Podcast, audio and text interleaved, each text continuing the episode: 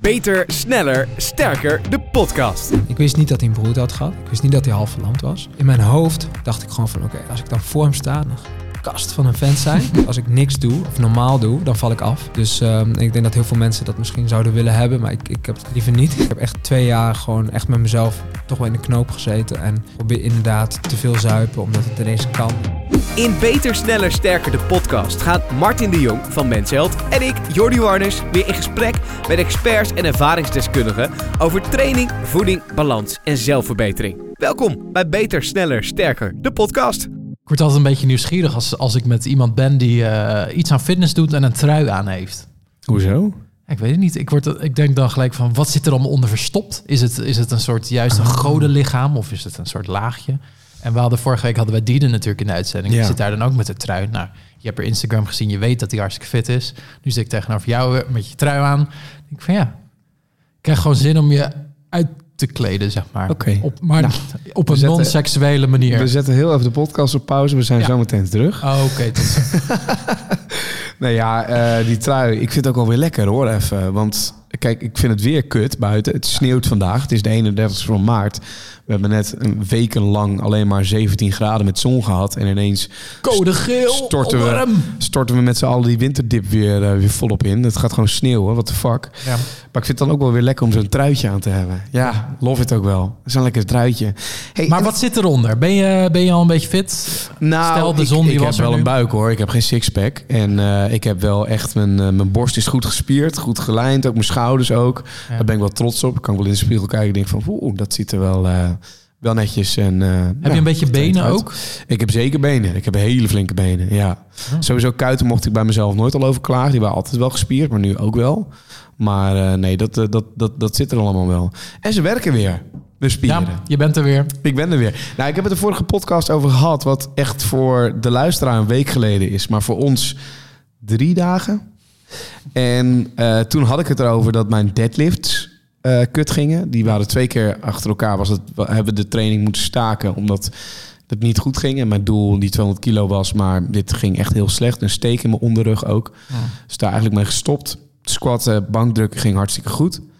En na de podcast, de vorige podcast, ben ik s'avonds gaan trainen. En ik heb mijn PR verbroken. Let's go! Schijven door het dak. Ja, ik heb eh één keer 150 kilo gehaald, deadlift. Dat is wel super strak, man. En mijn vorige PR was 130. Smaakt het naar meer? Ja, en het voelde ook goed. Het voelde fantastisch. Het, het, Zo'n euforie door mijn hele lichaam heen. nou, ook omdat ik de eerste, want je doet dat dan met warm-up sets natuurlijk gewoon. En ja, die, ging, die voelde al lekker, dat voelde goed. Maar ik had de kracht ineens, ik, ik had het in me. En, en ja, en ik, ik had ook, zeg maar, er was iemand met mij mee trainen voor de eerste keer. Überhaupt krachttrainen voor de eerste keer. Die leerde ook voor het eerst deadliften. Eh, een vrouw eh, die dan 35 kilo deed en deed veel aan paardrijden en eh, had eigenlijk die krachttraining nooit op die manier gedaan. En na de warming-up zei ze van, vind jij dit nou echt leuk dan? Dit, dit, wat, wat, hè? Dit, haal je hier dan plezier uit? En ik zei, ja, ja, echt. En toen had ik die 150 kilo PR gehaald. En toen zei ik, en dit is waarom ik het doe. Ja. Dit is waarom ik het leuk vind. Want ik heb zojuist mijn eigen PR verbroken. Dus er zit progressie in. Je Dat zit op geeft een je- traject. Het geeft je zo'n euforisch gevoel van let's go, weet je wel. Dit had ik een half jaar geleden nooit kunnen tillen, maar inmiddels wel. Maar ik denk dat fitness is ook een beetje een, ehm, een bijzondere sport. De mensen die dan eh, naar je toe komen en weten dat je aan krachttraining doet... die zijn vaak geneigd om iets te zeggen als... ja, ik vind fitness dan helemaal niet leuk. Wat ik altijd raar vind, want als iemand een bord spaghetti zit te eten... dan heb je er weinig aan om te zeggen... ja, oh ja, ik vind spaghetti eigenlijk niet zo lekker. Ja. Alsof het dan, nou ja. Anyways, los daarvan. Ehm, maar ik begrijp die mensen wel. Want als jij de gym inloopt en nou ja, het is een beetje een vreemde wereld... en dan ga je daar staan en je doet 15 keer je, je bicep curls... en je gaat weer naar huis... ja, dan, dan is die euforie waar je het over hebt, die is er niet. Maar als je dan een doel toevoegt aan de formule... en je zwakheden verbeteren en, en zelfvertrouwen... en al die elementen die aan de formule worden toegevoegd... ja, dan is het het mooiste wat er is. Terwijl die oefeningen die blijven hetzelfde. Je bent nog steeds die lullige, gewoon die rechtlijnige bicep curls aan het doen... of wat het ook is, deadlifts... Maar ineens klopt het dan. Ineens lijken alle sterren weer Ja. op de juiste plek te staan, de planeten. en dan ga je naar huis en dan denk je gewoon... ja, ik ben oprecht een, vandaag eventjes een ander mens geworden. Ja. Ik ben even uit mijn dag gestapt en eh, uit mijn mondaine verdriet... even naar een, een euforisch moment. Nou, en ehm, ik haal ook wel mijn, mijn energie en mijn motivatie uit de compound oefeningen als een deadlift, een bankdrukken en een squat. En eh, weet je, dan doe ik die training. Nou, dan doe ik die compound oefening. Dat gaat dan lekker. Dan begin ik de training ook mee.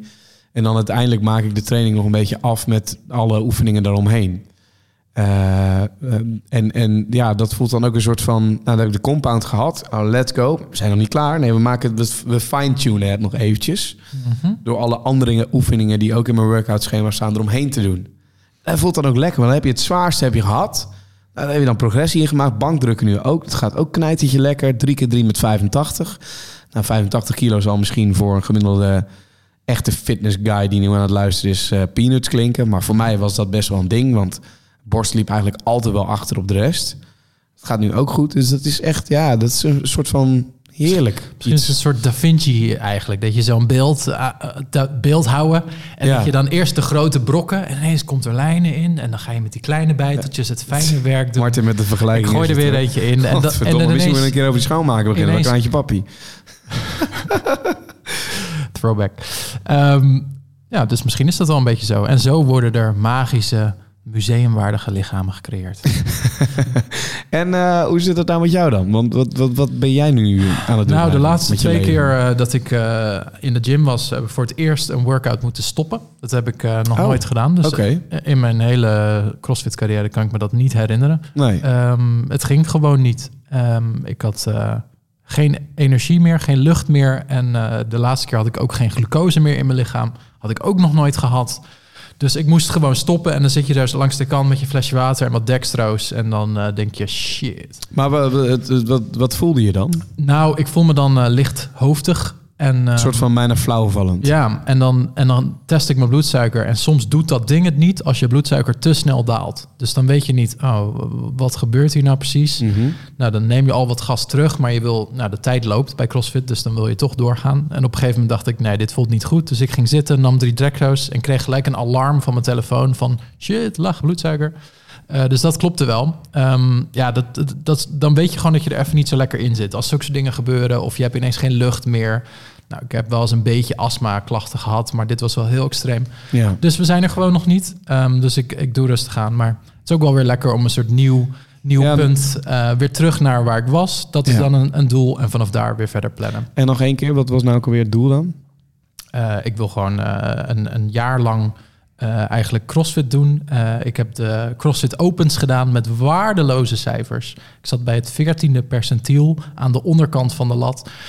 Dus ik hoor bij de slechtste 14% van Nederland qua scores. Ehm, en eh, een jaar later ga ik dat opnieuw doen en dan kijk ik waar ik sta. En denk je dan dat je doorgaat met CrossFit of laat je het vallen? Ik denk als ik boven die 14 eh, zit, dan ga ik door. Dus 15, ja. Zit ik er ineens onder, dan zou ik denken, dit is gewoon echt niet mijn sport. Maar 14, 15, leg dat nog eens even uit dan. Maar daar snap ik nu nog niet heel Stel veel van. 100 mensen doen eh, halen scoren op een workout. Ja, Eh, dus je moet zoveel mogelijk reps of zoveel mogelijk kilo's. Ik hoor bij de 14 laagste van die 100 mensen. oké. Dus er zijn dan eh, 86 mensen die beter scoorden dan ik. Dus dan Ah, hoor je bij het laagste 14 percentiel, zeg maar. En dan... Zo slecht ben je dan. En dat is ook oké, want ik vind het prima om erg slecht in te zijn. Maar ik wil dan wel vooruit gaan. Dus dat is ook ja, het doel. Slecht zijn is een mooi beginpunt. Ja, Want je kunt ook al ergens goed in zijn en dan loop je al heel gauw tegen. Nou, ik kan eigenlijk nog maar bijna niks verbeteren. nee. Misschien voelt Max Verstappen zich wel zo. Dus ik denk van, kut, ik kan eigenlijk niks meer doen. Ik, ik heb alle secondes er al afgereden. Ja, Ja, dan heb je gewoon vijanden nodig om het eh, weer leuk te maken. Dus um, nou die heeft hij. Nou ja, Ja. vijand Leclerc van Ferrari, fantastisch. Ja, je ja, hebt het niet maar dat maakt het voor hem denk ik weer interessant. Want als hij gewoon zijn rondjes rijdt, dan denk je, ja, nou, dat is wel Oh, goed zo. wat een- Dus af en toe race. moet je dan even op zoek naar iemand die jou een beetje uitdaagt. Iemand eh, om een challenge mee te doen. En dat heb ik dan gevonden in mijn CrossFit box eh, met mijn trainer. Hij moet een 200 kilo deadlift ook toevallig, net als jij. Ik moet een muscle up leren. En ehm, als het niet lukt, nemen we elkaar uit eten. Netjes. Ja. Ja, dus we gaan het Nou, zien. lekker. Oké. Hey, ehm, dan eh, over onze gast, Edino van Dorsten. Ja, Ehm, deze man Eh, kent iedereen inmiddels van de kinderen van Ruinerwold. Eh, iets wat eh, wereldnieuws werd in... eh, nou, ik wilde zeggen Nederland, maar de hele wereld dus. dat is zo wereldnieuws werkt. Eh, ja, zat altijd eigenlijk nou, niet opgesloten, maar werd wel een soort van onder controle gehouden door zijn vader, die een soort van geloofsovertuiging had en eigenlijk een ja, soort van secte eigenlijk leidde in zijn eigen huis. Ja. Eh, op een gegeven moment is dit hele verhaal ontdekt omdat een van die kinderen eigenlijk terechtkwam in een kroeg, daar aan de bel trok van hey, ik word vastgehouden, et cetera, et cetera. Toen werd het wereldnieuws. Edino is op zijn 17-jarige leeftijd is eigenlijk al uit dat gezin, uit dat huis in Ruinerwold ontsnapt. Ja. Die heeft eigenlijk toen gelijk al zijn leven opgebouwd, eh, zoals hij dat eh, Zo goed mogelijk eh, als dat lukte. zo goed mogelijk als dat lukte. En is nu, geloof ik, 29. En ja, toen in één keer ontsnapte dat andere kind, kwam in de kroeg terecht, waardoor de politie in één keer bij hem aan zijn deur stond. met het verhaal van: luister, wij hebben in Ruinerwold iets ontdekt. En volgens mij ben jij daar ook onderdeel van geweest. Eh, en toen kwam eigenlijk alles aan het rollen. En ik denk dat we in deze podcast niet meer zijn verhaal per se Nee. hoeven te vertellen. Want dat verhaal dat, dat is al gewoon heel veel verteld door hemzelf. Door de documentaire die er is over de kinderen van Ruinerwold. De feiten zijn bekend. De maar, feiten zijn maar bekend, hoe zit het ja. daar tussen de oren, zeg maar? Wat, Ja. En dan niet om hem problemen aan te praten, maar eerder juist van hoe zit het daarmee? Hoe deal je met zulke soort nou ja, crisissituaties? Eh, welke motivatie kan dat opleveren? En hoe draai je het eigenlijk zo om dat je van zoiets negatiefs zoiets positiefs kunt maken? En nou, hij is fucking fit. Eh, dus mocht je denken, huh, Edino, hoezo zoiets bij, bij een podcast over sport? Nou, hij heeft in het blad gestaan omdat hij zo fit is. Dus daar hoef je niet aan te twijfelen. Ehm, ja, we gaan gewoon ontdekken hoe je van iets slechts iets moois kunt maken. Edino, welkom. Dankjewel. Hoe is het? Heel goed. Ja. Heel goed. Ja, Ja. Daar, daar kan me wel wat bij voorstellen. Want je hebt iets, eigenlijk iets te vieren, toch? Ja, je hebt iets gelanceerd. Klopt. Eigenlijk lanceer ik het pas morgen, maar dat is... Nee, wacht. Voor de podcast is het natuurlijk maandag. Ja, dit, dit komt maandag online, maar maakt niet uit. Dit knipt er ook niet uit. Maar jij hebt dus iets gelanceerd al. Ja, ja precies. ja, Hoe waren de reacties? Wat zei iedereen? Nee, dat is, dat is lullig om te vragen. Ja, ja waardeloos. Dat heb je dus nog niet gehad. Nee, ik, ehm, ja, ik heb inderdaad mijn eigen eh, online eh, hulpprogramma eh, gelanceerd. Het is een programma die andere mensen helpt om op zoek te gaan naar zichzelf. Dat klinkt heel zwaar, maar het is een heel mooi programma die denk ik voor iedereen toepasselijk is. Ehm, die gewoon iets meer zichzelf wil zijn en zichzelf wat meer wil uitdragen zoals die eigenlijk zou moeten.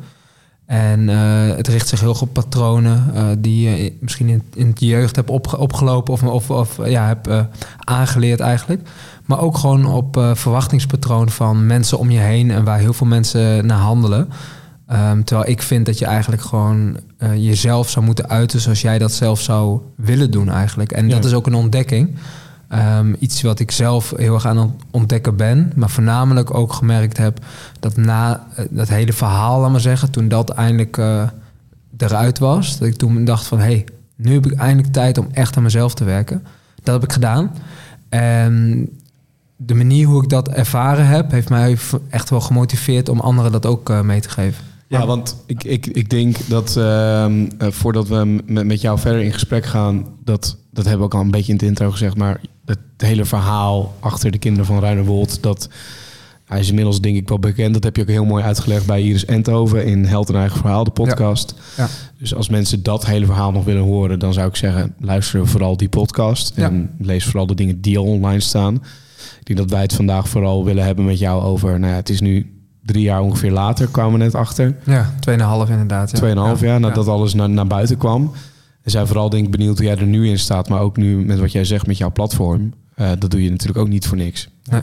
En, en ehm, het is dus ook zo dat jij eigenlijk ehm, meer bezig wil zijn met wie ben ik. Dus ook onder andere met die cursus. Maar ook dus eigenlijk een beetje misschien los wil raken ook van dat verhaal. Ja, 100%. Zoals ik dat een beetje heb begrepen. Ja, echt. Ja, ja het is. ehm, eh, ik ben dankbaar voor, eh, voor de dingen die, eh, die op ons pad gekomen zijn door het verhaal. Ehm, door de documentaire, maar ook door de, de reacties van de mensen. Ik denk dat het eh, lastig is om, om, om uit te spreken dat ik eh, nooit ehm, eh, een van die kinderen uit Ruinewold had willen zijn, omdat het me ook heel veel goeds heeft gebracht en heel veel steun. En ik denk dat het, als ik, als ik zou zeggen van ehm, ik wil helemaal af van dat hele verhaal, dat het ook een klein beetje naar de mensen toe die, die met ons mee hebben geleefd, die ons gesteund hebben, die ons eigenlijk omarmd hebben en er doorheen hebben gesleept, eh, dat het een klein beetje ondankbaar naar hen toe is. Zo voel ik dat in ieder geval. Uh, waar ik wel van af wil, is van puur en alleen maar van dat, kijk, dat is die jongen. Associaties eigenlijk. Precies. Ja, dus je wil geen ja. verhaal in de doofpot stoppen en eh, doen alsof het nooit heeft plaatsgevonden. Alleen dat als je jouw naam uitspreekt, dat het niet is van. Nee, precies inderdaad. Ja, dat mensen, eh, dat zou mooi zijn, zo utopie misschien, Nou. misschien niet. Maar het zou mooi zijn dat als ze gewoon mijn voornaam uitspreken, dat iedereen weet eh, waar hij het over heeft, zonder dat je daar moet bij zeggen van uit Ruinewold. Ja, Of dat niemand weet waar hij het over heeft, dat zou ook eh, dat is ook wel prima zijn. Merk jij gewoon vaak nog dat je er dan op, op wordt aangesproken als je de supermarkt inloopt of op straat loopt, dat mensen daar gelijk weer over beginnen? Ehm, niet, niet meer op straat, niet meer in de supermarkt. Ehm, wel in een dronken kroeg. Ja. Dan wel. Ja, Eh, dan is die, is eh, geen grens ja, meer. Dan is die grens weg. En ehm, eh, heb ik laatst ervaren, natuurlijk na, na een hele lockdown, is, is dat allemaal weer een beetje gaan leven. En ehm, ja, ik was laatst was ik ergens en er was echt van begin tot aan het einde in de avond kwam iedereen constant naar me toe. En eh, eh, heel veel herhalen van, van ja, sorry dat ik naar je toe ga, maar Ja. eh, ik, vond dat, eh, ik vond dat op zich wel eh, een soort van een, een, ja, een goede gewaarwording. Dat je, dat je toch merkt dat het nog steeds wel leeft bij mensen. Dat mensen het niet vergeten. Ehm, omdat precies zo- zoals ik net, net zei, op straat eh, word ik eigenlijk niet aangesproken. Wel herkend. Eh, mensen kijken wel. En eh, wat ik wel heel erg merk, is dat mensen over het algemeen heel vriendelijk zijn. Dat waardeer ik enorm. Ehm, ik kwam laatst eh, in, in een winkel, dat geef ik altijd als voorbeeld aan. maar Ik kwam laatst in een winkel en ik werd zo, ik kwam binnen en eh, ik werd echt met een brede glimlach werd ik begroet van, hé hey man, alles goed en eh, lang niet gesproken. Dus nou, ik, zo, ik, dacht, ik kwam daar gewoon voor het eerst binnen. Ik kende Ja. die, die persoon niet. Dus nou, ik ging eerst een klein beetje mee van, ja, ja, ga alles goed met jou. En dus toen zei ik van, ik zeg van, kennen we elkaar? Hij zegt, ja, ja, ja, ik ken jou toch? Maar hij wist ook niet waarvan, dus ik zeg, waarvan dan? Ah, Hij zegt van, eh, dus was echt gewoon, hij dacht, precies, hij dacht gewoon van, hij herkende me zo. ja. Dat Gewoon hij gewoon uren dacht- naar jouw kop gekeken en, Precies, en gedacht, inderdaad. ik ken Ja. jou. Dat, en ik besef me steeds meer dat als je iemand... Het is niet gewoonlijk, dat, of het is normaal dat je iemand een soort van je hele levensverhaal vertelt. Dat gebeurt Nee. vaak niet. En als het zo is, is het aan mensen die je kent, Ja. mensen in je omgeving. En wij hebben eigenlijk ons hele leven gedeeld met iedereen die dat wil, wilde zien. En daarmee schep je toch een, eh, een, een band die gek genoeg voornamelijk vanuit de persoon naar ons toe is. En andersom niet zo is, omdat we gewoon niet weten wie Nee. het natuurlijk gezien Hij heeft. komt compleet blanco in die winkel. Ja, terwijl precies. hij staat eigenlijk al 10-0 voor. Weet Ja. alles, de insights. Ja. Voel je dan ook Ja. bezwaar dat je zijn verhaal niet kent? Of dat je... Eh, Van, ik moet nu heel snel alles te weten te komen over Nou, zijn leven. Ja, ja ik, ik snap dat. Ja, soms, soms heb ik dat wel. Soms, ik probeer wel ehm, op, ook interesse te tonen, omdat het eh, soms ook zo voelt van oké, ehm, ja, ik, ik wil ook met jullie meeleven. Is Ja. iets waar ik jullie mee kan helpen. En ik, maar trouwens, ik merk ook dat het heel vaak vanzelf gaat.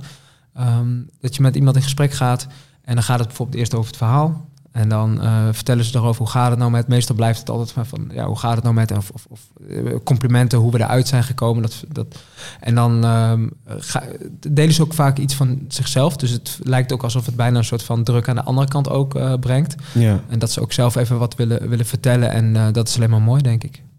En ehm, ik herinner me nog in een interview van jou dat je vertelde van ik voelde me niet geaccepteerd door beide werelden waar je leefde. Zeg Ja. maar de wereld als op, op school en dergelijke waar je gewoon kwam. En ik denk de wereld bij je thuis dat je die bedoelde. Ja, Ehm, voel je je nu wel geaccepteerd? ja absoluut. Ja, ja het, is, het, is, het heeft sowieso. Het, het, het valt heel erg samen met het moment van toen. Ehm, en dat moment is ook niet te, te vergelijken, of met de persoon die ik toen was. En dat, Nee. en dat is niet te vergelijken met de persoon die ik nu ben. Ehm, over het algemeen sta ik veel eh, zelfverzekerder in het leven. En ehm, dat was toen niet zo. En dat neem je ook mee. Dus in, in die tijd eh, op school eh, was, het, ja, was ik toch het jongetje dat raar was. Dat zich raar kleedde. Dat zich raar gedroeg. Dat geen, eh, geen liedjes kende die op dat moment eh, bekend waren. Geen, geen trends kende en zo. Dus je merkt gewoon dat je, dat je daar toch een beetje een raar jochje bent. En als je dan ook nog eens ehm, het gevoel hebt dat, dat je die wereld nog heel erg moet, van je af moet drukken. En dan vertoon je ook nog eens een keer afwijkend gedrag en afstandelijk gedrag. Ja. Dus dat wordt alleen maar ehm, eh, aangevuld eigenlijk met dat andere. En dus ik, het is niet, dus ik, het is nooit een verwijt geweest. Ik snap eigenlijk dat de kinderen toen de tijd, eh, die zelf ook allemaal aan het puberen waren, dat, dat ze dat gewoon vonden. En, eh, en terecht eigenlijk bijna. Niet terecht dat het gebeurd is, wel terecht eh, dat, dat ze misschien die gevoelens hadden, omdat het ook gewoon kinderen waren. Weet je, dat zo zijn ze.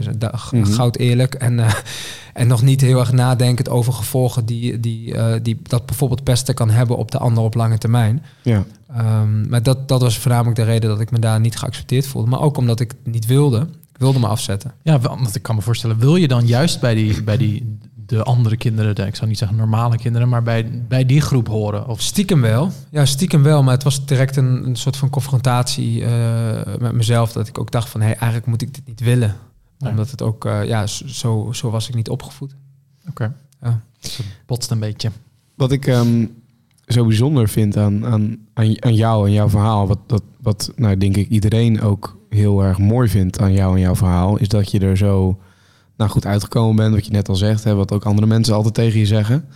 Want ehm, als ik het dan vergelijk met een, een, een vriend van mij die nou, Jehovah-getuige is geweest, daar zich van af heeft gezet, eh, samen met zijn moeder. En daar denk ik vandaag de dag nog steeds gewoon weer struggelt. Gewoon het moeilijk vindt om zich te blenden in de maatschappij. Ja. Die heel anders dacht en denkt dan hij altijd had geleerd. Of thuis gebeurde. Weet je wel, dat hij op een terras kon zitten met vrienden. Een biertje aan het doen was. En dat hij eigenlijk op dat moment zichzelf de grond in aan het praten was met... Je bent slecht bezig, je bent niet goed bezig, dit, dat. En ik wi- wist en weet dat, dat hij daar, daar nog steeds mee, heel erg mee struggelde. Ehm, hoe, hoe zie jij dat bij jouzelf? Vind je dat zelf en jezelf ook bewonderingswaardig dat je daar zo overheen bent gestapt, dat het zo goed gaat? Nou, ten eerste herken ik echt wat je zegt. Ik herken het, het is echt precies wat, wat ik ook altijd had. Ehm, maar dat, dat kwam omdat ik toen nog steeds mezelf nog niet helemaal had losgemaakt. Dus ik, was, ik zat in een, in een twijfelfase waarin ik niet 100% zeker wist of ik het, het, het geloof van vroeger nog moest geloven. Of dat ik, of dat ik het niet meer geloofde. Laat maar zeggen. Ik was nog een beetje aan het twijfelen. Wat, Ja. wat ervoor zorgde dat elke actie die ik ondernam, ik geconfronteerd werd met hoe, het, hoe, hoe ik het zou, hoe ik vroeger ben opgevoed. Ehm, alleen, ik heb dat op een gegeven moment echt van me afgezet. En op het moment dat je dat doet, dan, ehm, dan gaat dat gevoel langzamerhand wel weg. En, maar je moet er ook wel echt je best voor doen. Je moet het denk ik ook gewoon analyseren. En ik denk dat dat het voornamelijk is wat, dat voornamelijk is wat ik heel erg doe in situaties. Is analyseren waar komt het gevoel vandaan. Soms krijg je gewoon een gevoel. En op het moment dat je dat gevoel wegdrukt, komt het eh, de volgende keer gewoon weer terug. En dan komt het weer terug. En dan wordt het misschien juist een dingetje. Ja. Uh, maar als je hem analyseert en ehm, ja, kijkt waar komt dat gevoel vandaan, is dat gevoel terecht, dan ehm, meestal kom je erachter dat het voortkomt uit patronen vanuit je verleden. En dan kun je er wat mee. Dus ja, in, dit opzicht, ik, ik herken het heel erg. Ehm, maar ja, ik zou dan bijna eh, misschien iets, iets te voorbarig, maar dan zeggen van dat hij misschien nog steeds niet helemaal los heeft gemaakt in zijn hoofd van wat hij vroeger aanhing. Nee. Dat dat ermee te maken heeft. Maar is het dan zo dat je je eigen verhaal opnieuw moet creëren om dan afstand te doen van je, je, oude verhaal of je oude normen en Eh. waarden? Of hoe, maak je die, die onderscheid eigenlijk in je hoofd? Ehm, nou ja, niet helemaal nieuw, opnieuw moeten creëren, want het is een onderdeel van mijn verhaal. Ja. Het is alleen, ehm, ja, ik besefte op een gegeven moment gewoon van het klopt niet en het is niet waar. En daar kan ik niks aan doen, want ik ben geboren eh, in, in, in dit gezin en ik heb, eh, ik heb nooit een ander voorbeeld gehad van hoe het wel had moeten zijn. Dus het is op een gegeven moment ook gewoon accepteren dat dingen je overkomen en dat het niet je, per, se je schuld is. Dus als je die schuld niet bij jezelf neerlegt, is het veel makkelijker om je ervan los te maken. Hm. Dus zo, zo ervaar ik dat zelf een beetje. Dus het is niet zozeer dat ik een compleet nieuw verhaal van mezelf heb moeten, moeten scheppen. Ik heb denk ik gewoon ge- geaccepteerd dat ehm, ja, dingen helaas eh, niet zo gelopen zijn zoals ze zouden moeten lopen voor een kind. En voor, voor, voor iemand die opgroeit. Ehm, maar ik heb, ook, ik heb eigenlijk weinig spijt. Ik heb niet het gevoel dat ik iemand ehm, eh, daarin nog steeds elke keer beschuldigend vinger toe moet wijzen.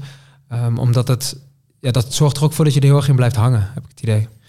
Heeft het de band met de mensen om je heen ook veranderd de afgelopen 2,5 jaar? Omdat ik weet dat jij ook het hele verhaal aan zich eigenlijk aan niemand in jouw omgeving verteld had. Hoe de situatie zat, Ja. toch?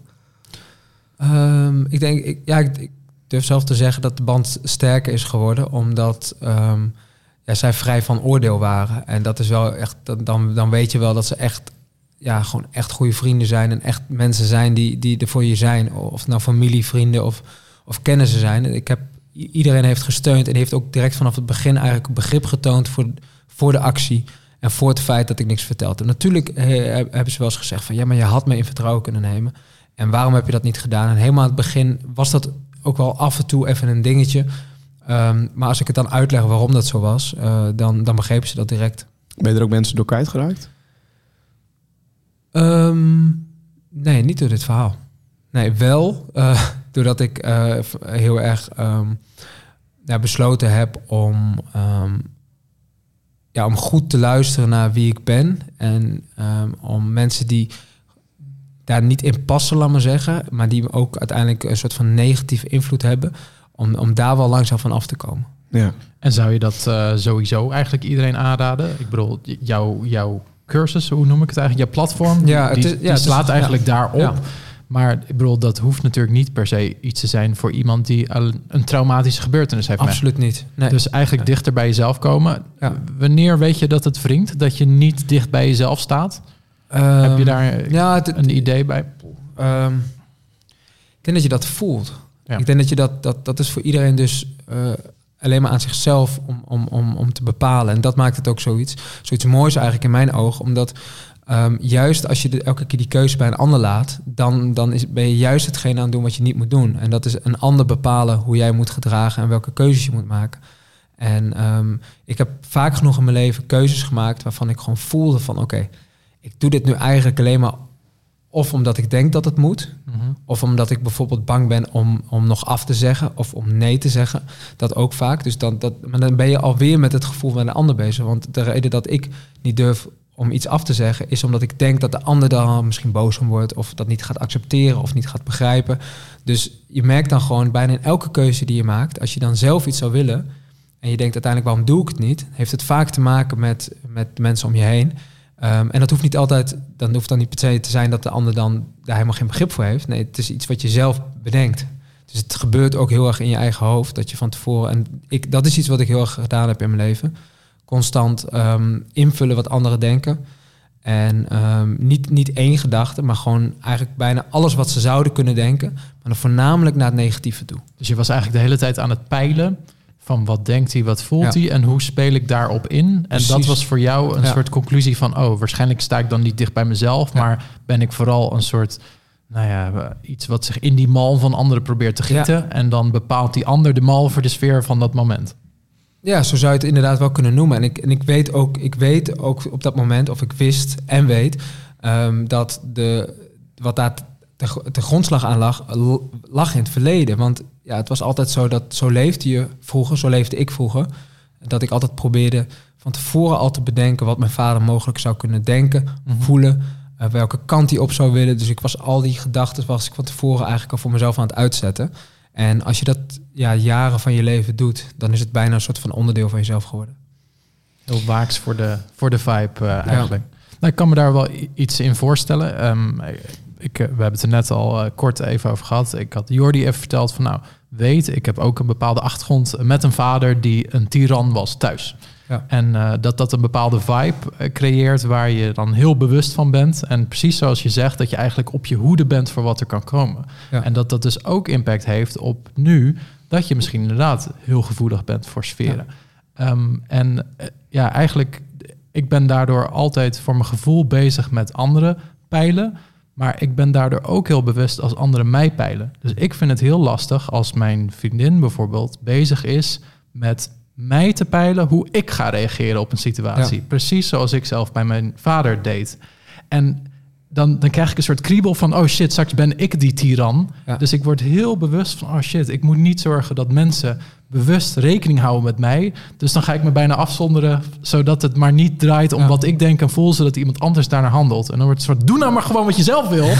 Eh, d- d- niet met mij bezig zijn. En dat- nou, Ja. ik, vind dat, ik vind dat een vervelend gevoel, Ja. zeg maar. Dus ehm, het is best gek wat, wat een impact zoiets kan maken, zelfs in de kleine dingen.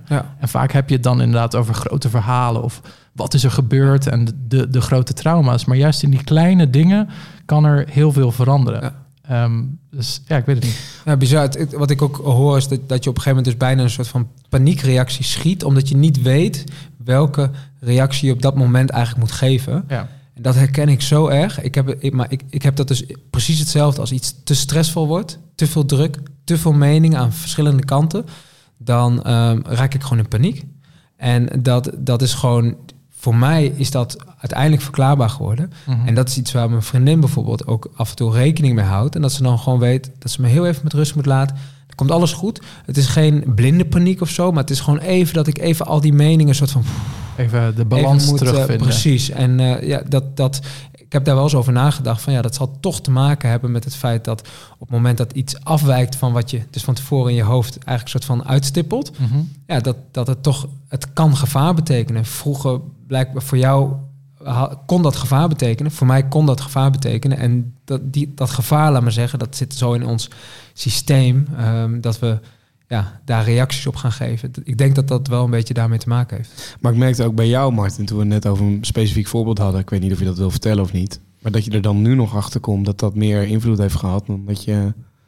Ja, ehm, ja, ik wil wil best het voorbeeld noemen. Eh, het ging erom dat eh, een, een, een vader, of in, mijn, dit geval mijn vader, dan een sfeer creëerde waar je dan vandaag kun je ineens een flashback krijgen van een sfeer die je nog niet helemaal begreep.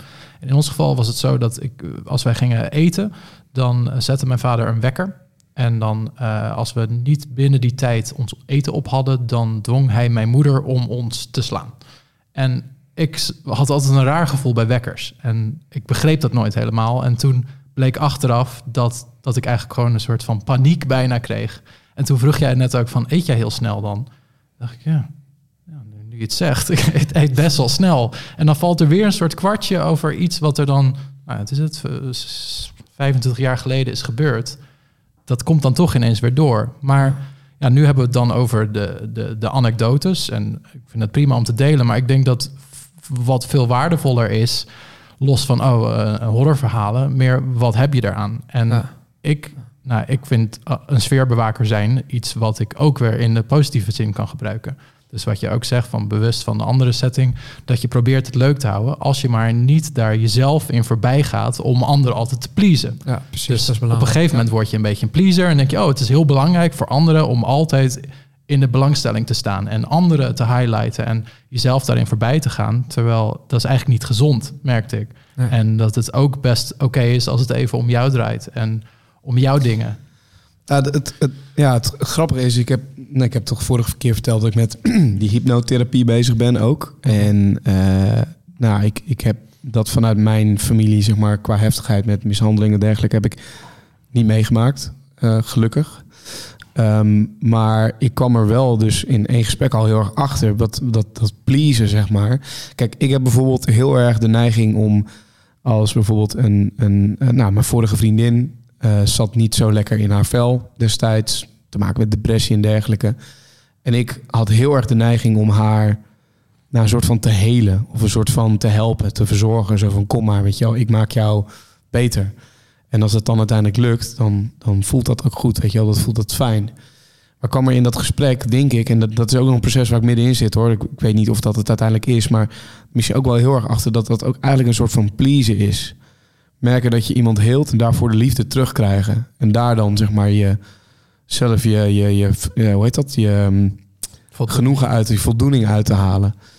Ehm, en ik denk dat dat ook iets is wat, wat, wat jij of dan jij ook hebt. Een soort van continu merken dat als ik dit doe, dan, is het, dan krijg ik daar een fijne reactie op terug. Heel veel pijlen afschieten en hopen dat er een paar Ja. misschien terugkomen. Terwijl dat niet je doel is. Terwijl je ze afschiet, je denkt gewoon ik wil helpen, helpen. En af en toe krijg je dan iets terug en denk je, oh yes, dat voelt wel lekker. Ja, dat, je, dat je probeert om degene die dan normaal gesproken heel boos is of zo, of weet ik veel, geen idee, maar toch maar zoveel mogelijk gelukkig probeert te maken, omdat je daardoor merkt dat de sfeer het fijnst is of zo. Ja. Nou, dat klinkt als iets waar we een cursus ehm, of een, een, een platform van Edino voor zouden kunnen gebruiken. Nou ja, het, het, het is, laat, ik- laat ik zo zeggen, meestal gaat dat hand in hand samen met, het, eh, met waar hou je het meest van en waar heb je het meest voor over. En het is helemaal logisch dat jij dat hebt, dat je het hebt over je vriendin. Ehm, voor mij was dat vroeger mijn vader. Hij was echt mijn voorbeeld. En ehm, ik deed eigenlijk alles aan om hem te pleasen. En de pleasen klinkt dan niet als het juiste woord voor mijn gevoel. Voor mij was het, ik deed eigenlijk alles om hem trots te maken. En inderdaad, dan ga je inderdaad dingen doen. En als je dan een keer die, die bevestiging krijgt, of dat je, dat je iets gedaan hebt en dat je oprecht in zijn ogen ziet van oké, nu is hij trots. Dat maakte voor mij echt, dat kon voor mij twee jaar aan ellende gewoon goed maken. Ja. En ergens dacht ik niet echt aan het please, want dat was dan ook iets. Bij ons was het wel zo ingewikkeld dat als hij zag dat je iets deed om iets terug te krijgen, dan was het dubbel zo erg. Dus het- je was wel Ja. heel erg op, op, op je hoede. Ehm, bijvoorbeeld als je, een- als je een tekening maakte en je maakte die tekening om dan vervolgens de credits te krijgen van, oh, ik heb zo'n mooie tekening gemaakt. Of kijk, niemand heeft een teken voor jou gemaakt. Ik heb vandaag een teken voor jou gemaakt. Ja, als hij dat bespeurde, en vaak bespeurde hij dat als het waar was, want het was ook soms waar. Kinderen zijn ook soms gewoon zo. En dat is goed, weet je, laat ze gewoon lekker kind zijn. Maar ehm, nee, hij kon dat wel echt opmerken. En dan kreeg je dat ook wel dubbel zo hard terug. Dus dat, dat werkte heel erg averechts, waardoor je dan nog een soort van extra op je hoede was. Maar ehm, ik vind het wel interessant wat je zegt. Het is, ik, ik denk dat dat inderdaad onbewust zo werkt. En dat zal voor jou, denk ik, ook op een bepaalde manier, denk ik, hetzelfde dan voor mij zijn geweest. Dat je, dat je, ondanks dat het je vader was, dat je als kind, tenminste, ja, ik kan het niet invullen, maar als kind toch niet hem haat en gewoon echt van hem houdt. Ja. En eigenlijk nog bijna een soort van ehm, eh, jezelf gaat verwijten voor alle dingen die misgaan. Omdat je denkt van, ik kan niet voldoen in het plaatje. En, en je- zonder dat je de schuld naar hem wijst, wijs je constant de schuld naar jezelf toe. Tenminste, dat deed ik wel. Maar kun jij dan nu wel of niet met afwijzing omgaan? Want ja, je bent ermee grootgebracht, maar het was ook weer zo pijnlijk, zelfs tot kindertekeningen toe. Dus waar sta je dan nu? Ehm, ik, ik ben er nog niet. Het is wel een proces, maar om, omdat je over zulke dingen heel veel nadenkt en het echt, echt wel ehm, kan verklaren waarom zoiets gebeurd is, kan ik het ook loslaten. Dat, dat werkt bij mij altijd wel heel goed. Ehm, maar ja, ik, ik zit dan even te denken aan voorbeelden. Nou, stel je voor, jij ging daten. Ik weet Ja. niet hoe lang je nu bij jouw vriendin bent, maar stel je voor, je, je was weer op de markt, je ging Ja. weer even zoeken. Ging dat dan makkelijk? Of was je dan bezig eigenlijk met iedereen zijn hart winnen? Of Ehm, nee, ik word nooit afgewezen. Dus Nee, maar nee, nee, ik heb. eh, ehm, nee, het, het, het klopt dat je daar inderdaad mee bezig bent. Ehm, bepaalde vorm van onzekerheid. Maar ik, ik had ook al wel gauw door dat op het moment dat je die onzekerheid heel erg uitstraalt, ja, het sowieso niet gaat werken. Eh, dat is ook iets wat heel erg opvalt. Ehm, ik kan niet zeggen dat ik dat eh, bijvoorbeeld met daten heel erg gemerkt heb. Maar ja, het is misschien soms wel eens niet begrepen voelen. Ja. Als je bijvoorbeeld heel veel tijd en energie ergens in hebt en, en de ander die ziet dat niet. eh, of, of die neemt het soort van voor lief. Gewoon puur omdat hij niet, gewoon niet door heeft. Je hebt gewoon niet duidelijk gemaakt hoeveel tijd je erin hebt zitten en hoeveel moeite je ervoor hebt gedaan. Dus dat is eigenlijk gewoon een communicatiefout. Eh, maar zelf voel je dan misschien dat je net iets te weinig terugkrijgt voor hetgeen je gedaan hebt. En dat, dat voelt dan soms wel even cru. Maar de- ja, het is. ehm, ik, ik denk niet dat ik heel veel last mee heb ervan eigenlijk. Oké. En ehm, nou is het zo dat eh, jij hebt je op fitness gesport, gestort. Ja. Ehm, en van wat ik uit jouw verhaal las, kwam dat eigenlijk voort uit eh, een soort zelfvertrouwen kwestie. Ehm, inmiddels ben je fit, kunnen we wel zeggen. Je hebt een fotoshoot gedaan zelfs, eh, ergens anderhalf jaar geleden Ja. in ons blad. Ehm, ben je er qua fitness? Voel je je nu, eh, zeg maar, en kun je dan trainen vanwege je lichaam dat je zegt, ik ben er nu fysiek? Of train je eigenlijk voor onzekerheid wegtrainen? Ehm, nee, de onzekerheid wegtrainen, dat, dat, dat is een tijdje het geval geweest. Dat is inmiddels niet meer het geval. Ehm, ik denk zelf dat het zo is dat ik zelf een stapje terug heb gedaan qua obsessief trainen, om het zo maar te zeggen, omdat ehm, je een aantal doelen hebt bereikt, maar ook wederom eigenlijk omdat er een soort van ehm, in mijn hoofd bestond er altijd het is heel gek, maar in mijn hoofd bestond er altijd een soort van plaatje van oké, er komt een dag, dan kom ik mijn vader weer onder ogen. En ik wist niet dat hij een broer had gehad. Ik wist niet dat hij half verlamd was. Dus in mijn hoofd dacht ik gewoon van... oké, als ik dan voor hem sta, dan ga ik kast van een vent zijn. en dan, dan is dat zo helemaal omgedraaid. Het was echt gewoon zo bijna zo Look van... at me now. Precies, maar het, het werd op een gegeven moment echt zo'n dingetje in mijn hoofd... dat ik daar enorm veel motivatie uit haalde. En ik wilde ook echt gewoon sterk en, en krachtig zijn. En ehm, ja, dat, dat is toch wel... En het grappige was dat de eerste keer dat ik hem dus ontmoette... eh, wederom, toen was hij ook helemaal onder de indruk. Was hij de hele tijd aan het wijzen en zo. En zat hij de hele tijd zo van die gebaren te maken... omdat hij natuurlijk eh, half verlamd is en, en een brood heeft gehad... Ziet het er allemaal een beetje grappig uit, maar hij zat de hele tijd ja, vormen van spieren en dit en dat helemaal te doen zo. Dus ik, ik, hij, ik zag gewoon aan hem dat hij dat helemaal, eh, helemaal eh, geweldig vond, laat maar zeggen. Ja. En dat was wel grappig. Dat was eigenlijk een soort van waardering die je dan ineens krijgt. ehm, op het moment dat je hem eigenlijk helemaal niet meer wil. Maar ehm, ja, ergens was het wel eh, ironisch, denk ik. Maar nee, het, trainen, dat was een van de motivaties om gewoon weer sterk te zijn. Een ander was ook om gewoon beter in je vel te zitten. Maar ik merkte ook dat toen ik ging trainen, en ik denk dat iedereen die traint dat gaat herkennen of herkent, ehm, dat het je mentale gesteldheid zoveel, zoveel goeds doet eigenlijk. Het is eh, op het moment dat je, dat je die, die, die motivatie hebt, die discipline, en je, je, je past je voeding aan, je past je levensstijl aan, je maakt ineens keuzes, die, je weegt je keuzes af. Dus eh, nou, je gaat ergens naartoe en eh, je, moet je krijgt een menukaart onder je neus gedrukt. Nou, dan ga je al nadenken van welke, welke keuze maak ik. Je probeert dan toch een soort van gezondere keuze te maken. En op het moment dat je dan wat gaan drinken, eh, drinken erbij neemt, je denkt daar overal over na. Je drinkt niet te veel. Ik heb een hele periode gehad dat ik helemaal geen alcohol dronk.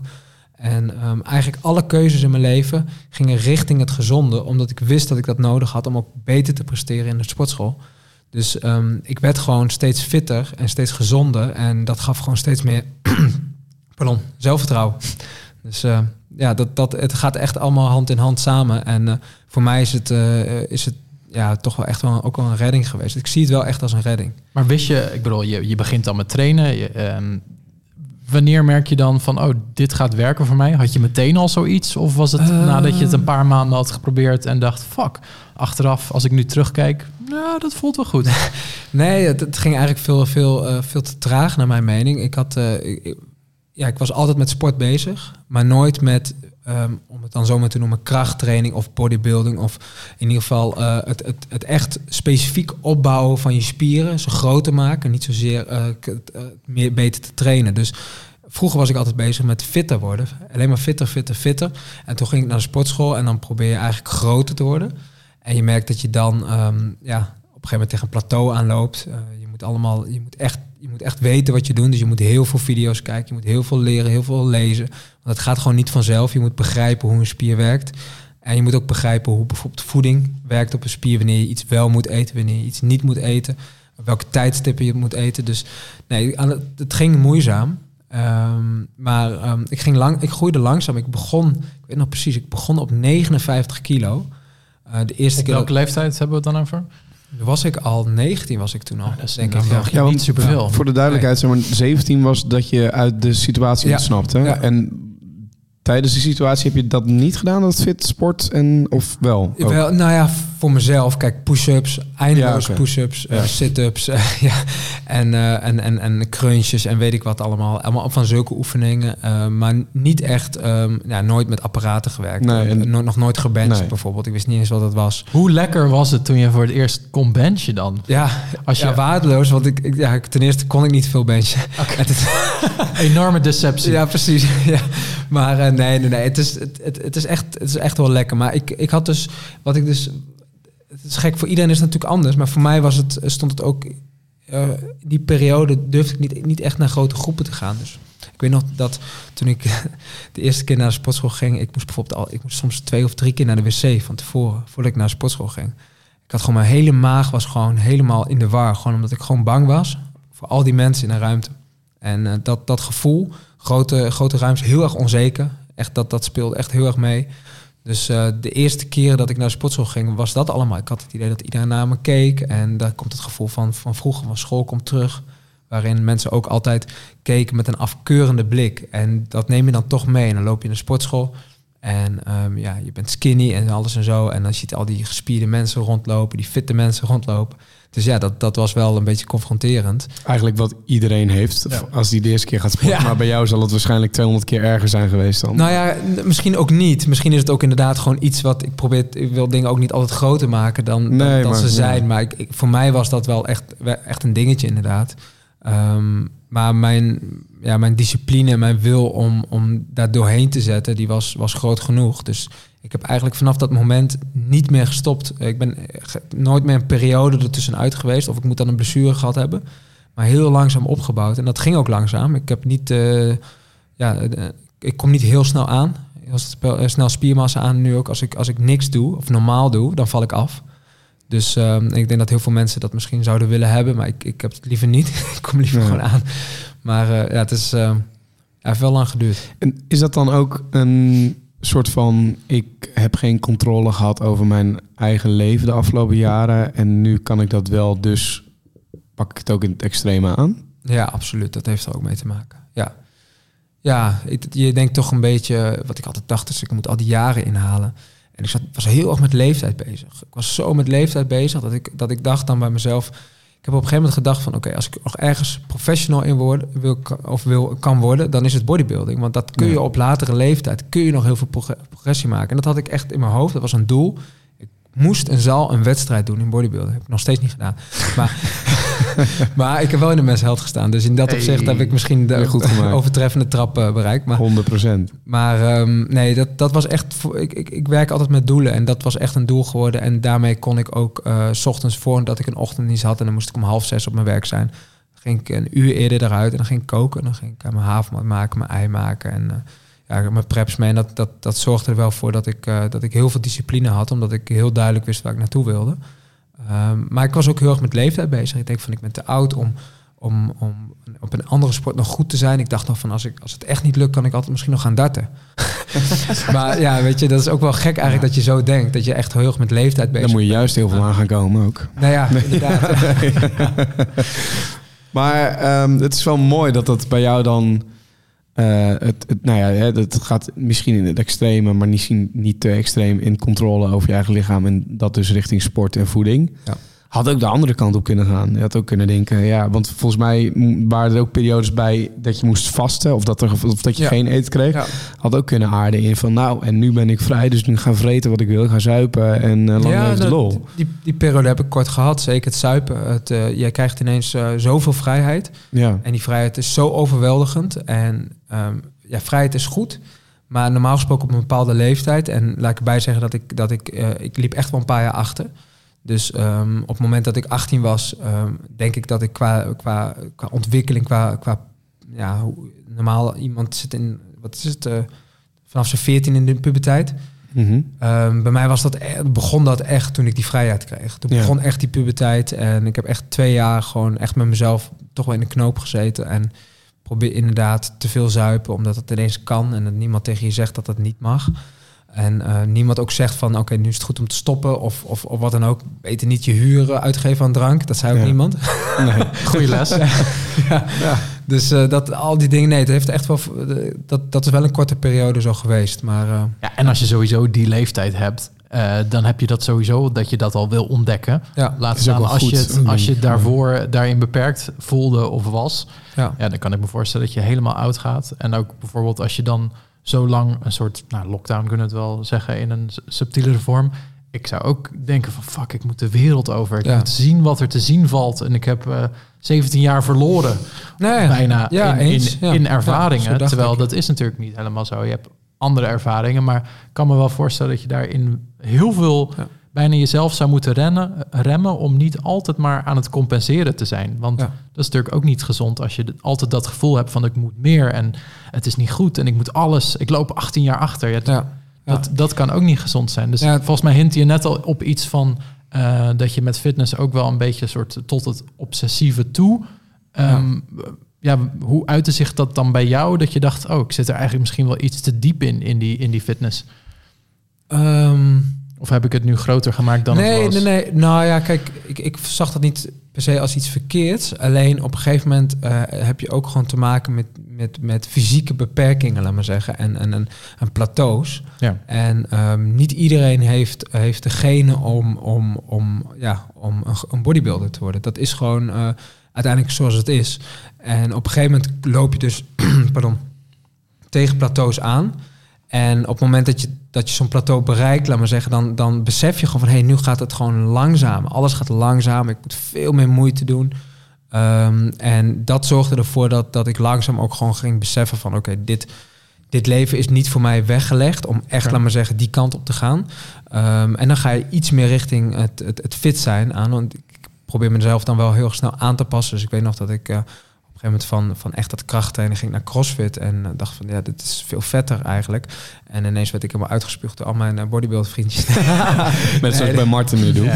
Ik spuug Martin ook uit met zijn crossfit. Hoor je het ook eens van iemand anders?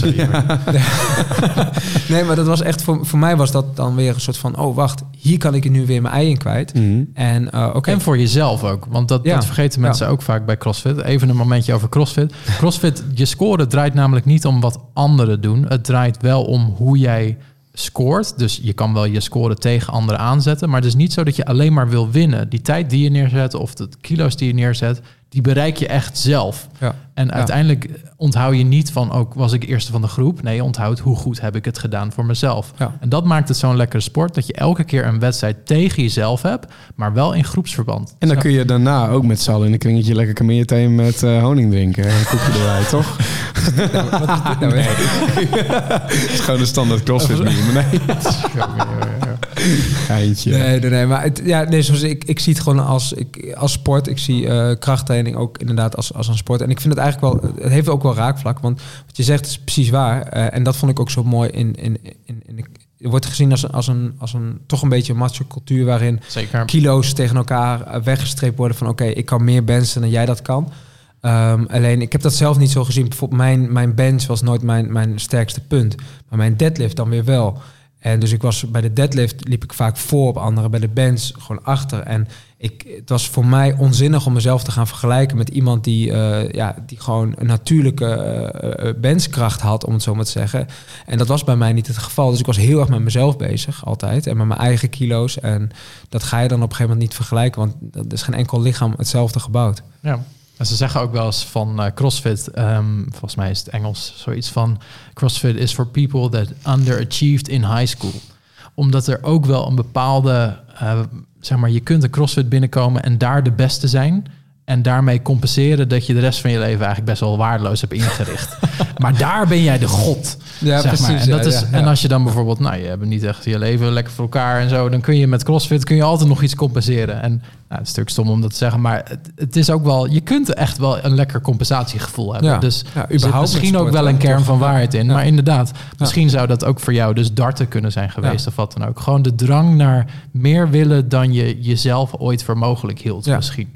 Ja, dat ook inderdaad. En, en de drang naar ontwikkeling ook. Dat is bij mij ook altijd eentje geweest die, die, ehm, ja, die gewoon heel erg speelt. Ik, ik kan niet iets een jaar lang doen en op hetzelfde niveau blijven. En als dat wel gebeurt, ja, dan gaat dat kriebelen. Dan denk ik van oké, dan moet ik een aanpassing doen. Dus als ik een jaar lang ehm, ja, mijn eten gewoon goed heb en ik heb mijn training goed en ik blijf tegen hetzelfde punt aan, aan hikken.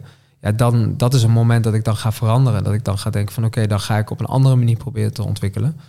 Dus ehm, Want hoe vaak train je nu, zeg maar, nu? Ehm, ja, ik probeer eigenlijk elke dag te trainen. En ehm, dat hoeft niet altijd een, een, een intensieve training te zijn. Het, het kan soms ook eh, hardlopen zijn. Of eh, om, als ik eh, bij wijze van spreken merk dat mijn lichaam gewoon moe is, dan, dan ga ik een, een, een, rustige, een rustige cardio-oefening doen. Maar ik probeer wel elke dag eh, in beweging te blijven. vind ik nog best wel veel. Ja. Ja. Ja. Als in, het kan bijna niet meer, laten we het zo zeggen. Nou ja, het kan Nee. altijd meer. Ik, eh, ja, ik Oh. had het twee, twee keer per dag. Maar twee keer per dag echt. Nou ja, dan ga je 's ochtends cardio doen. Eh fasted cardio deed ik altijd. En dan is het of, of eh, op de fiets eh, fietsen thuis. Ik had thuis een fiets staan. En dan ging ik een aflevering kijken van een serie. En dan ging ik elke ochtend begon ik zo. En dan ging ik later in de avond eh, nog, eh, nog krachttraining doen. Of in, later in de middag. Dus dat, eh, dat is periodes ook wel gehad dat ik dat heel erg ging combineren. Dat Wilde je dan- mij- ja. of ja, nee. Wilde je dan eigenlijk nog meer, zeg maar? Stel je had dan twee keer getraind, dacht je dan eigenlijk, ah kut dat ik niet nog een keer kan. Eh, Ja, precies dat denk je dan. Maar dan, ja, dan denk je ook van ik moet ook herstellen. Dus je Ja. weet ook natuurlijk hoe, hoe het lichaam werkt. Eh, maar dat gevoel eh, wel, nog steeds meer. Dat is echt, een, echt wel een periode geweest. Ja. Goede drive wel. ehm. Nou ja, of, of, of obsessief vind ik het eigenlijk, eerlijk gezegd, meer dan... eh, Ja, is het Ja. wel een beetje. Ja. En nou ja, ligt er ja. ook aan hoe je er naar handelt, toch? Ja. Ik bedoel, als jij de, de, de intentie vanuit jezelf voelt om zoveel te gaan dat je eigenlijk nou, nooit niet wil. Nou ja, als je, als je dat gevoel hebt, is op zich niet erg. Tenzij het misschien een, een vervelende oorzaak heeft. Ja. Maar als je er maar niet ook naar handelt, want dan loop je jezelf voorbij, maak je alles kapot. En blijf je dat gevoel waarschijnlijk toch alsnog houden. Ja, precies. Dan wordt het nog Klopt. ongezonder. Klopt, inderdaad. Ja, je moet absoluut. eh, dat, is, dat is wel. En je zegt het wel goed. Het is. Het kan een beetje obsessief overkomen, laat maar zeggen. Ehm, en ik denk dat dat niet verkeerd is. Als je maar wel tevreden bent eh, met ja, wat je doet op dat moment. Ehm, en dat. ehm, voor mij was het op dat moment wel echt, echt verklaarbaar, laat maar zeggen. En waar ik Ja. mee bezig was. En het, eh, ja, het is ook even on- ontdekken tot hoe ver je kan gaan. En dan vervolgens daar weer een soort van nieuw plan op trekken. En dat, dat vind ik nu ook wel heel mooi met, eh, ja, eigenlijk met, met, met het platform ook. Het, is, het, het daag je uit om, om, om gewoon eh, dingen te doen die je, die je zelf zijn. Dus de dingen los te maken in je eigen lichaam, die, je gewoon, die gewoon goed bij je voelen.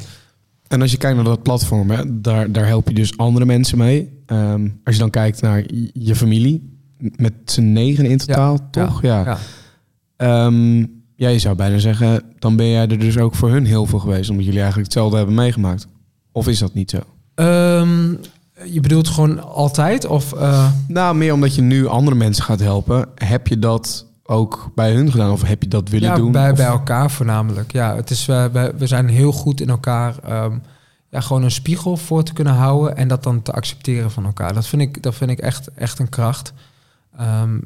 Onla- weet je, onlangs nog dan een telefoongesprek gehad waar ik dan zoveel uithaal, waarin dan ehm, een van mijn broertjes en zusjes of ouder is niet bang eh, zijn of is om dan gewoon te vertellen Ja. hoe voor hen iets is of andersom. En we zijn gewoon, ehm, we zijn denk ik allemaal altijd heel erg met ontwikkeling bezig. En dat is iets wat we vanuit onze jeugd heel erg hebben meegekregen. Dus dat gaat er ook niet meer uit.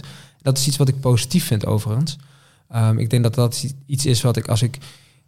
Een van de dingen waar ik het meest dankbaar voor ben, is dat we in ieder geval altijd hebben meegekregen om in elke situatie eigenlijk te leren en daarin beter te worden.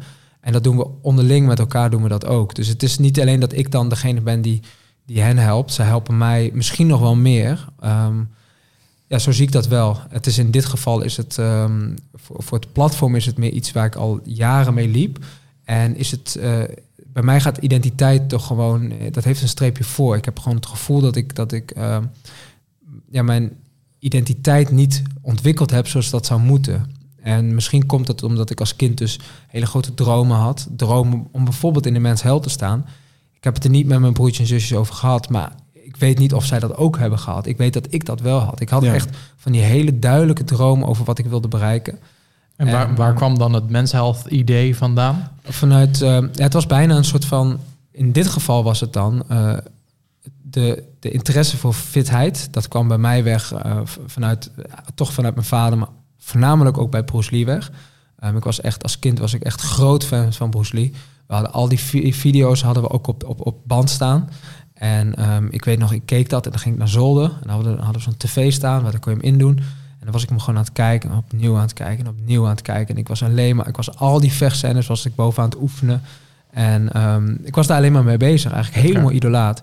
En ehm, daar kwam echt die interesse vandaan. En uiteindelijk, ehm, als, toen ik in de tussenuren naar, naar, bijvoorbeeld naar de bibliotheek ging en magazines las, ik las daar boeken, maar ik ging af en toe ook magazines lezen. En dan las ik De Mensheld, ik las ook de Voetbal International. En dan las ik ieder artikel in zo'n eh, in zo'n magazine, las ik.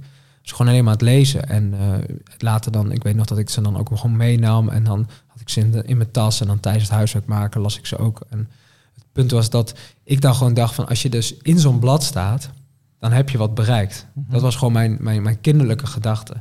En ik dacht dan, als je op de voorpagina staat, ik noem maar wat... dan heb je het helemaal gemaakt. Dan heb je echt gewoon...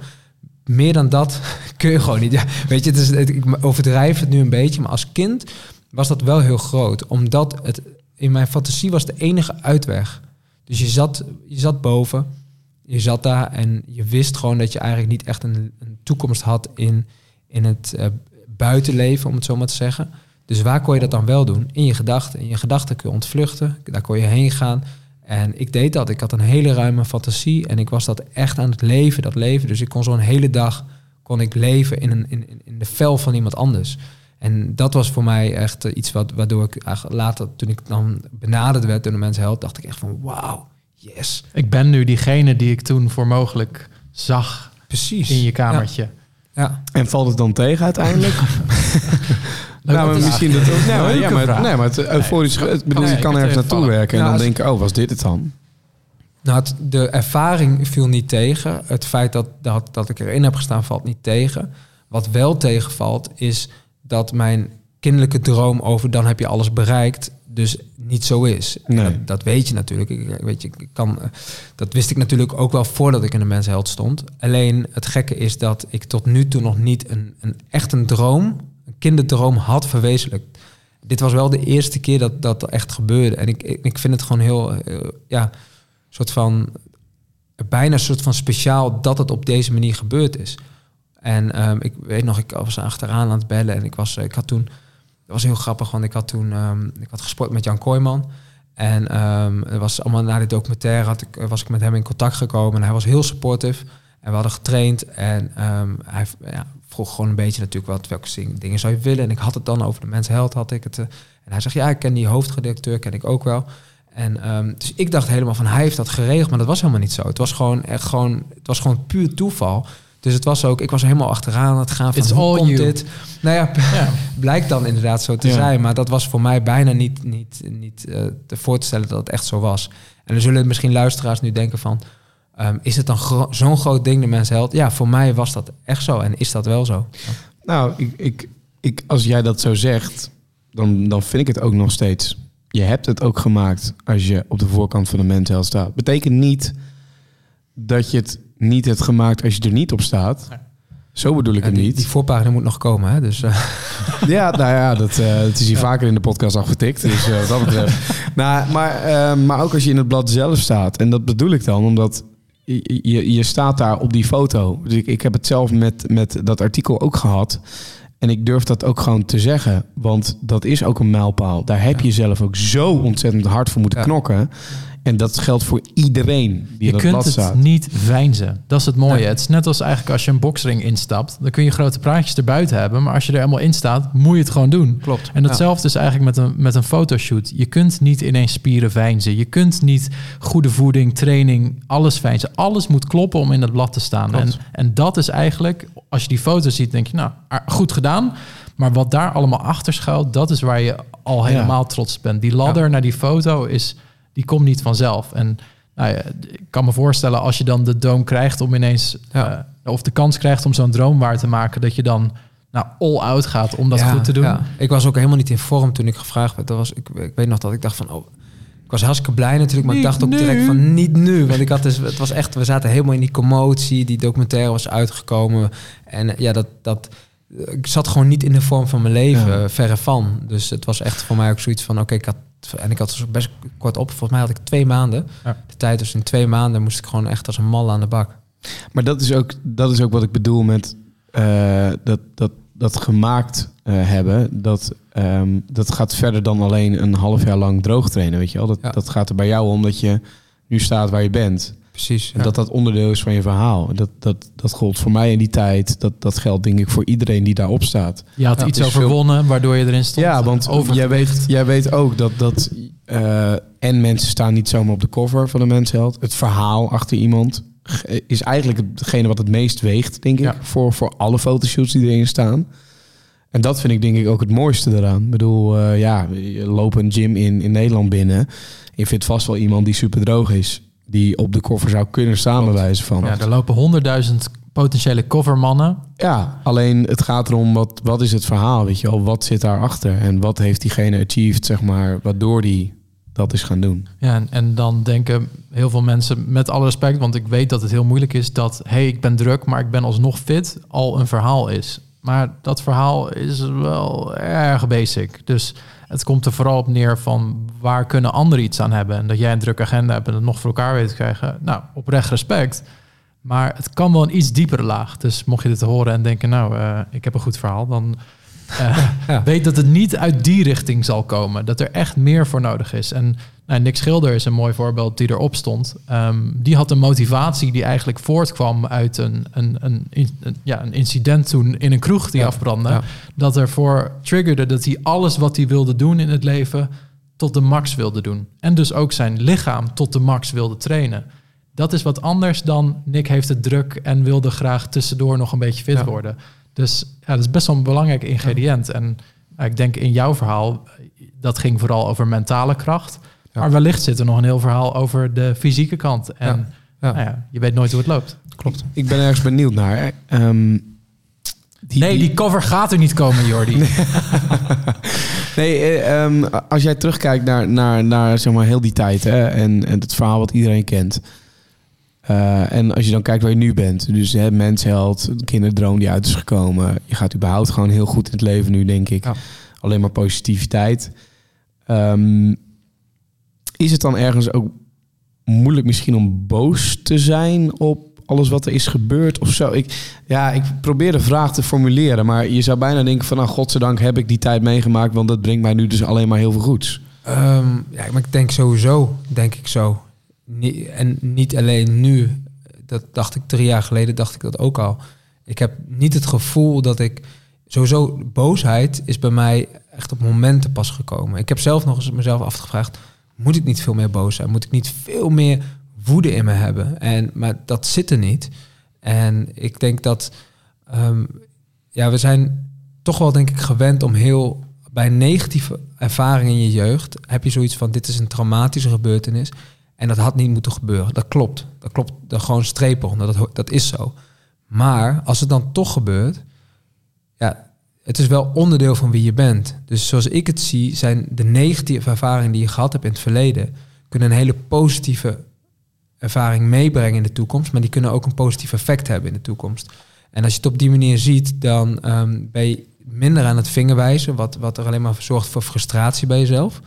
Alleen je gaat ook nog eens dingen meer waarderen eigenlijk. En je gaat denken van oké, als ik vroeger niet die ellende had meegemaakt, dan was ik misschien, had ik nu heel anders naar zo'n situatie gekeken. En natuurlijk, het heeft ook negatieve kanten, dat ook wel. Ehm, dus als je, als je mij zou vragen, had je het liever wel meegemaakt of liever niet meegemaakt, had ik het natuurlijk liever niet meegemaakt. Dan had ik liever gewoon een zorgeloze jeugd gehad. Omdat ik denk dat ieder kind een zorgeloze, jeugd, een zorgeloze jeugd zou moeten hebben. Eh, zeker als zo'n, als zo'n kind zich uiteindelijk wil ehm, ontwikkelen tot gewoon een, een vrije identiteit. Een vrij persoon die gewoon is wie die is. Ehm, dus ja, maar ik heb, in woede heb ik nooit gehad eigenlijk. En hoe is het met je vader nu? Ehm, hoe het nu met hem gaat, dat weet ik niet. Ehm, ik heb al, ja, wat is het? Het is nu maart. Hè. Ik heb nu een jaar lang geen contact met hem. Ehm überhaupt niet. En ja, voor mij is het ook wel prima zo. Zou jij nog iets, als de mogelijkheid daar was, omdat hij nu dus nou, verslechterd is, volgens mij niet mee kan praten, dat kan Ja. al een tijd niet meer. Ja. Had jij nog iets aan hem willen zeggen? Of, of Dat, dat is het enige waar ik, wat, wat, ik, wat ik echt heel erg eh, ja, jammer vind. Is, ik had zo graag met hem in gesprek willen gaan. Pardon. Ehm, het feit dat er zijn natuurlijk ehm, zoveel dingen gebeurd die voor mij eh, niet te verklaren vallen. En daar had ik graag een antwoord op gehad. En toen ik wegging, toen ehm, was ik A nog niet volwassen, laat maar zeggen. Ik had de kennis niet van nu. Maar ik kon ook gewoon niet het gesprek met hem aangaan. Het was eenrichtingsverkeer. En wat ik graag had gewild in mijn leven was gewoon een gesprek van man tot man over alle dingen die gebeurd zijn. En misschien had ik dan een aantal dingen zelf beter kunnen begrijpen. Ehm, maar dan had ik hem ook, eh, ik, ik kan nu antwoord geven, anders dan vroeger natuurlijk. Dus ik kan ook, en ik kan beter nadenken dan ik dat vroeger kan. Dus uiteindelijk is dat gewoon, vind ik dat zo'n gemiste kans. En kijk, je hoeft het natuurlijk niet te zeggen, want het kan heel persoonlijk zijn. Maar, maar was er dan iets geweest waarvan jij het, het zeg maar los van de vraag die je hebt of de dingen die je wil begrijpen, eh, is er een boodschap die je dan heel graag ook aan hem had mee willen geven? Zo van: dit is wat ik tegen jou wil zeggen. Doe ermee wat je wil, maar dit wil ik aan jou kwijt. Ik wil dat jij dit weet. Ja, er zijn natuurlijk heel veel dingen die, eh, die ik hem had mee willen geven en eh, willen zeggen. En ik denk ook dat als ik dat gesprek was aangegaan, dat er dan echt wel boosheid bij kwam kijken. Op het moment dat je dus dingen, ehm, ja, dingen realistisch maakt op dat moment en het naar boven komt. Ehm, als, een, als ik één ding zou moeten zeggen, dan, ja, dan betreur ik het eigenlijk dat hij nooit de liefde van zijn kinderen heeft kunnen voelen, laat maar zeggen, zoals ik dat nu als vader doe. En ik weet gewoon waar dat mee te maken heeft. er gewoon mee te maken omdat hij gewoon, ehm, ja, hij liet ons gewoon niet vrij. En hij had ons gewoon vrij moeten laten. Hij had moeten vert- vertrouwen moeten hebben dat wij uiteindelijk gewoon zouden opgroeien tot goede kinderen, goede volwassenen, eh, goed, goede volwassenen, om het zo maar te zeggen. Die uiteindelijk dan veel meer respect hadden voor zijn mening en zijn opvoeding. En ehm, in plaats van dat, dat obsessief, laat maar zeggen, en controleer. eh, Ik, ik weet echt niet zo goed hoe ik dat eens moet beschrijven, hoe dat allemaal ging. Maar het punt is, hij heeft ons eigenlijk gewoon geprobeerd om te kneden zoals hij dat precies zelf zou willen. En dat werkt gewoon niet. Dus, dus eigenlijk juist niet bij jezelf zijn. Precies Ja. waar het nu over gaat. Precies. Ja. Alles, Ja, hij heeft er bijna alles aan gedaan om niet bij jezelf te blijven, maar juist te worden wat hij voor ogen had. precies. Het ging uiteindelijk om zijn doel en ehm, om, om, om zijn beeld van ons. Ja, dat is gewoon jammer. Dat is het voornamelijk. Maar het klinkt Ja. voor mij, als ik het zo hoor, dat het eh, wellicht zijn er inderdaad ook keiharde dingen die je zo zou willen bespreken. Maar het klinkt ook alsof je nooit de kans hebt gehad om dat man tot man gesprek te hebben gehad. Dat je een gelijkwaardig gesprek kunt hebben. Dat het eigenlijk, het klinkt alsof het iets meer daar nog om draait dan Ja. om Ja. die concrete boodschap. Dat je een, een, een hoor en wederhoor. Misschien Klopt. klinkt het alsof je Ja, dat is Alsof die hiërarchie dan even verdwenen zou zijn van... hé, hey, luister, we hebben, we hebben een andere rangorde gehad... maar nu zit ik hier als mezelf op gelijke rang... en dit is mijn verhaal en dan mag jij jouw verhaal delen. Zo Precies klinkt het dat, meer dan ja. dat het die keiharde boodschap is van... ja, maar hoe zat het eigenlijk die ene woensdag? Nee, dat is precies zoals je, Ja. is precies zoals je het zegt. Het was rang opnieuw Ja. indelen. Ja, klopt. En gewoon een, een, een dialoog te hebben in plaats van gewoon een, een monoloog waarin er gewoon verteld werd hoe dingen zaten. Ehm, je nu gewoon een gesprek inderdaad kan aangaan. Precies zoals je het zegt, dat is het. En eh, ik denk dat, dat ik dat heel... Ik, ik heb dat gewoon heel sterk. En ik, ik weet zeker dat eh, andere broers en zussen dat net zo sterk hebben. Want ja, dat is uiteindelijk wat je gewoon, gewoon wil. Je wil geen hiërarchie hebben in een, in een, in een goed gezin. Dus ja, Liefde en warmte. precies. En ehm, als jij dit nu dan zo aanhoort, Martin. Ik vind het een, eh, ik vind het een hele moeilijke, want ik heb eh, ook gezocht naar dit gesprek en eh, ik heb het geprobeerd en ehm, dat viel zo erg tegen dat eh, ik blij ben dat ik het heb geprobeerd, maar ik heb nooit die, die wederkerigheid van een gesprek kunnen ontdekken. Het bleef eigenlijk een monoloog. Het bleef eigenlijk de ik en dan was hij zelfs nog eerder een slachtoffer dan een, een, een, een mededader in het verhaal of wat dan ook. Dus ik, en ik heb dat ook met andere vrienden gehad die ook een, een dergelijke situatie met hun vader van toen probeerden als man tot man te bespreken. En ook die kregen diezelfde nou ja, rangorde niet weg. Dus in beide gevallen was het echt een enorme teleurstelling. Alleen hebben we dan de trots aan onszelf gehouden. En dat zie ik voor mezelf. Dat ik het aandurfde om dat gesprek met, nou, toch wel voor mij dan de soort van duivel van het verhaal. Degene die jou dat het kwaad heeft aangericht, dan in de ogen te kijken. Dat was het mij waard. Maar ik heb nooit de antwoorden gekregen die je dan zocht. Eh, en misschien is het ook wel prima zo. Want Ja. dan heb je een antwoord, dan, ja, dan is het ook niet ineens opgelost. Dus je deelt dan meer met wat er is gebeurd, los van welke antwoorden eraan vastkleven. En meer gewoon, ik heb dit gedaan, ik heb het moment gecreëerd waarbij we elkaar in de ogen kunnen kijken. Los van de uitkomst ben ik daar in ieder geval trots op. Ja, en, en, en het, ik, zit- ik zit er ook over na te denken. Als ik dan zeg maar naar mijn vader kijk. ehm, ik, ik hou van mijn vader. Echt inmiddels. Echt love hem. Hij ook van jou. Goede band mee. En ehm, ik, mijn moeder, mijn vader gescheiden. Maar hadden altijd ook wel ruzie de laatste jaren. Van dat ik nou, 12, 11, 10, 9, zoiets was. Waarbij mijn vader ook echt kon schreeuwen. Echt ook, ook wel de tiran uit kon hangen. Mhm. En eh, zonder fysiek geweld, maar gewoon wel schreeuwen, altijd ruzie. En ik bijvoorbeeld werd echt boos toen nou, dat uit elkaar ging en hij in één keer slachtoffer werd. Ook te huilen en emoties tonen. Ik dacht, wat doe, wat doe jij zielig ineens? Maar dat is heel gek hoe dat, denk ik, als kind werkt. Dat je je ouder of je ouders ineens in een bepaalde andere situatie meemaakt. die voor jou heel onherkenbaar eruit ziet of zo, wat jij net zegt met het slachtoffer van jouw vader spelen. Eh, dat ja, is toch gek hoe dat werkt. Ja, het klopt ook gewoon niet. En ook denk ik, als je als kind eh, moet horen dat zo'n situatie eigenlijk niet normaal was, dat is ook raar. Want het is toch heel normaal. Ik ben zo opgegroeid. Mijn hele leven weet ik niet beter dan dat het zo is.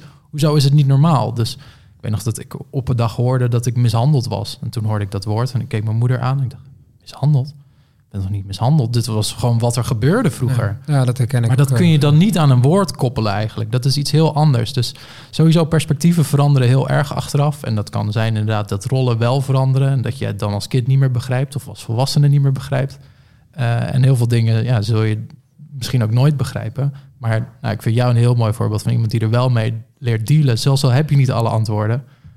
Toch eh, kun je ze voor jezelf aardig op een rijtje zetten, Ja. denk ik. Los Ja. van wat iemand anders nog had willen doen. Of zeggen. Ik, ik, ik, ik heb nog één vraag. Stop nou jullie met al je vragen. Eén vraag. Ehm, dit- vo- vond jij het lastig dat iedereen hier een mening over had, heel Nederland? Dat, dat zij misschien ook eh, jouw vader als een boeman zagen of iets dergelijks? Of terwijl jij zelf nog wel een soort van gevoel had van... nee, dit is mijn vader, doe even kalm. Nee, dat niet. Dat gevoel heb ik niet gehad. Ik, ik denk dat het me juist heel geholpen heeft. Ehm, hoe meer ik reacties las, hoe meer ik mensen echt gewoon intens boos zag en voelde en hoorde worden, laat maar zeggen. Ja, eh, dacht ik gewoon van, dit is, de, dit is de reactie die ik eigenlijk zou moeten hebben. Dus, eh, dus het werd eigenlijk steeds realistischer. Ik weet nog dat... ehm, nou ja, Jessica heeft natuurlijk eh, de documentaire gemaakt. Nou, je- Ja. ze, heeft, ze, is, ze heeft zo intens meegeleefd eh, met ons verhaal... dat zij zo ongelooflijk boos is geweest en geworden op, op mijn vader, laat maar zeggen. Omdat zij, die, zij zag die beelden, ze had die gesprekken met ons... en ze dacht gewoon van, hij heeft hen dat gewoon aangedaan. En bij haar leefde dat zo erg, omdat ze er natuurlijk zo helemaal middenin zat. En Mhm. uiteindelijk had ze natuurlijk ook haar professionaliteit, haar, haar rol, laat maar zeggen, als maker. Ehm, maar dat, dat, wa- dat heeft voor mij ook wel heel erg geholpen. Dat ik dacht van, oké, iemand die vanuit een bepaalde rol dus ook iets, iets maakt, maar die zo betrokken is en zoveel boosheid heeft. En eh, terecht, eh, eh, geheel terecht. En voor iedereen die dat heeft, geheel terecht. Ik, ik weet nog de beelden dat, ehm, dat op een gegeven moment ehm, ja, in, in, in documentaire dat er best wel heftige beelden waren. En eh, ja, dat ik, ik weet nog dat, dat ik die beelden zag en dat ik het afgrijzelijk vond. Maar dat ik tegelijkertijd ook gewoon dacht van... Jij zou eens moeten weten hoe dat eruit aan toe ging als die camera niet aanstond. ja. Dus, dus met andere woorden, je, hebt, je bent eigenlijk een soort van een hele heftige gebeurtenis aan het bagatelliseren. Omdat je gewoon weet hoe het toen was. En dus dan, dan, en de boosheid die mensen hebben, die is terecht. Maar dan denk je van, wow, ja, bijna een soort van besefmoment. Je moet je voorstellen hoe boos ze geworden waren als ze echt alles hadden gezien. Ja, en, en mag ik dan eh, ook afsluiten met dat ik het zo bewonderingswaardig vind hoe eh, jij, maar ook je broers, zussen, zo, er zit zoveel zelfbewustheid, zeg maar. Zit, En ook in woorden. Hè? Dus- en in woorden, maar ook dat ik zei het ook tegen Martin. Ik, ik had dan de podcast met Iris Endhoven nogmaals. Die, die moeten mensen maar vooral even luisteren als ze het hele Ja. verhaal nog steeds willen horen. Ehm, eh, al- al- alsof je, je praat er zo volwassen zo over, alsof, alsof Martin vertelt over een verhaal van iemand anders, bij wijze van spreken. Snap je wat ik bedoel? Ja. Zo, het, het is moeilijk voor te stellen dat je er zo goed uit bent gekomen na alles wat er in die documentaire zichtbaar werd en wat er in die tijd gebeurd is. Dat het bijna, als ik jou hoor praten, denk van ja, maar dit is niet mogelijk. Dit kan niet. Het Ja. kan niet een dat deze man er zo, zo goed is uitgekomen. Dat geldt ook voor iedere ander die zichtbaar is in de documentaire, vanaf jullie kant natuurlijk.